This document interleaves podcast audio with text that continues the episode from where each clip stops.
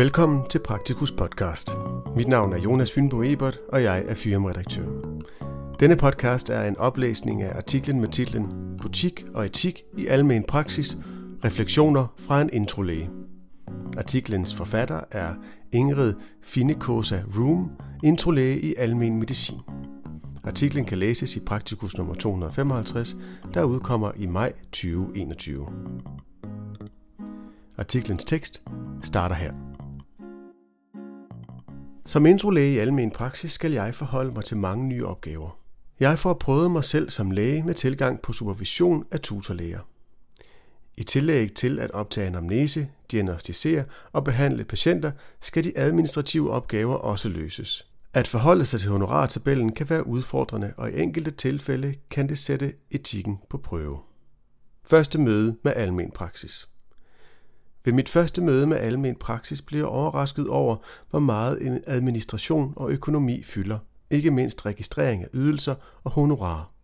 Som ny læge i almen praksis kan honorarsystemet virke som lidt af en jungle, for ikke at tale om de særlige coronatillæg og de lokale aftaler. En videre kan jeg som uddannelseslæge bevidne flere forskellige måder at tolke honorarsystemet på. Hvornår er for eksempel et sår større, og hvordan skal andre betydelige operationer forstås og give mening i almen praksis? Vejledning fra etisk intakte tutorlæger.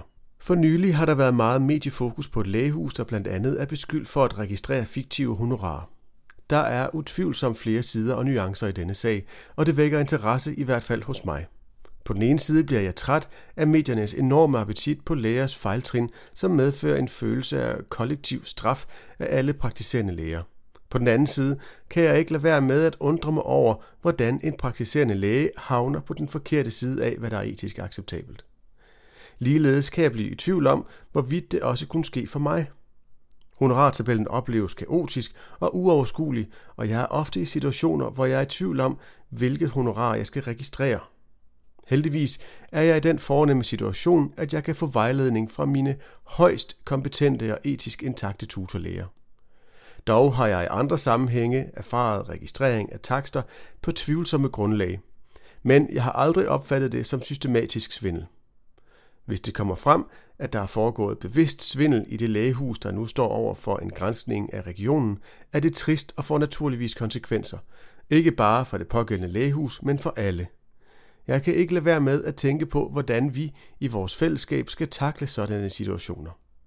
Den seneste tids fokus på professionsetik i almen praksis kan meget vel være et symptom på, at praktiserende lægers etiske kompasnål har brug for en justering men det kan lige så vel være et behov for at tydeliggøre over for os selv, politikere, journalister og resten af samfundet, at praktiserende lægers etiske kompasnål intet fejler, og at eventuelle uredeligheder ikke accepteres af gruppen. Honorartabellens begrænsninger som uddannelseslæge oplever jeg det på mange måder som en form for påmindelse om, hvordan butikken og etikken skal følges ad i praksis. Det skal forstås på den måde, at når uddannelseslægen er i tvivl om takster og henvender sig til tutorlægen, eller når tutorlægen husker uddannelseslægen på diverse takster, medfører det refleksion ved tutorlægens egen praksis for brug af taksterne. Der er nok enkelte praktiserende læger, der fravælger at have uddannelseslæger af forskellige grunde, men faren her er, at man snyder sig selv for, hvad der kan være et vigtigt rum for refleksion over egen praksis. Til gengæld kan det i enkelte situationer føles, som om tutorlægen har behov for at undskylde eller retfærdiggøre de ydelser, der registreres, og det forekommer mig overflødigt. Det er oplagt, at alt, hvad vi foretager os i praksis, skal honoreres. Vi har rigeligt med opgaver, der ikke omfattes af honorarsystemet. For eksempel fik jeg forleden dag en ny patient, der henvendte sig med angst. Konsultationen tog omkring 30 minutter. Vi fik klaret det akutte, men patienten havde mange sociale og psykiske udfordringer, hvilket den tidligere journal også bar præg af. Den efterfølgende henvisning krævede naturligvis en grundig gennemlæsning af journalen og sammenfatning af den aktuelle problemstilling. Det tog godt og vel 45 minutter.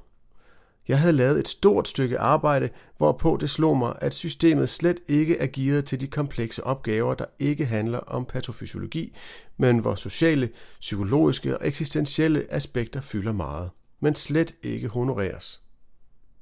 En fin balance mellem butik og etik.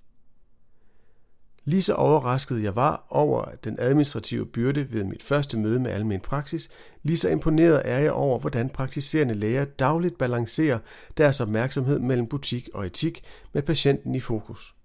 I den praksis, hvor jeg er introlæge, opererer de med tid samme dag, altså at kun få tider er sat af til elektive konsultationer. På den måde får de patienter, der ringer mellem 8 og 9, næsten altid problemet løst samme dag. Det åbner for en fleksibilitet, som til gode ser de patienter, der har brug for hjælp nu og her, og det inkluderer muligheden for at tage på sygebesøg til ældre og ekstra sårbare patienter.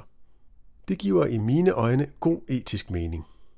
En næsten tom kalender ved starten af dagen kan nok for mange praktiserende læger give lidt ondt i maven, da man kan risikere at tabe penge på en rolig dag.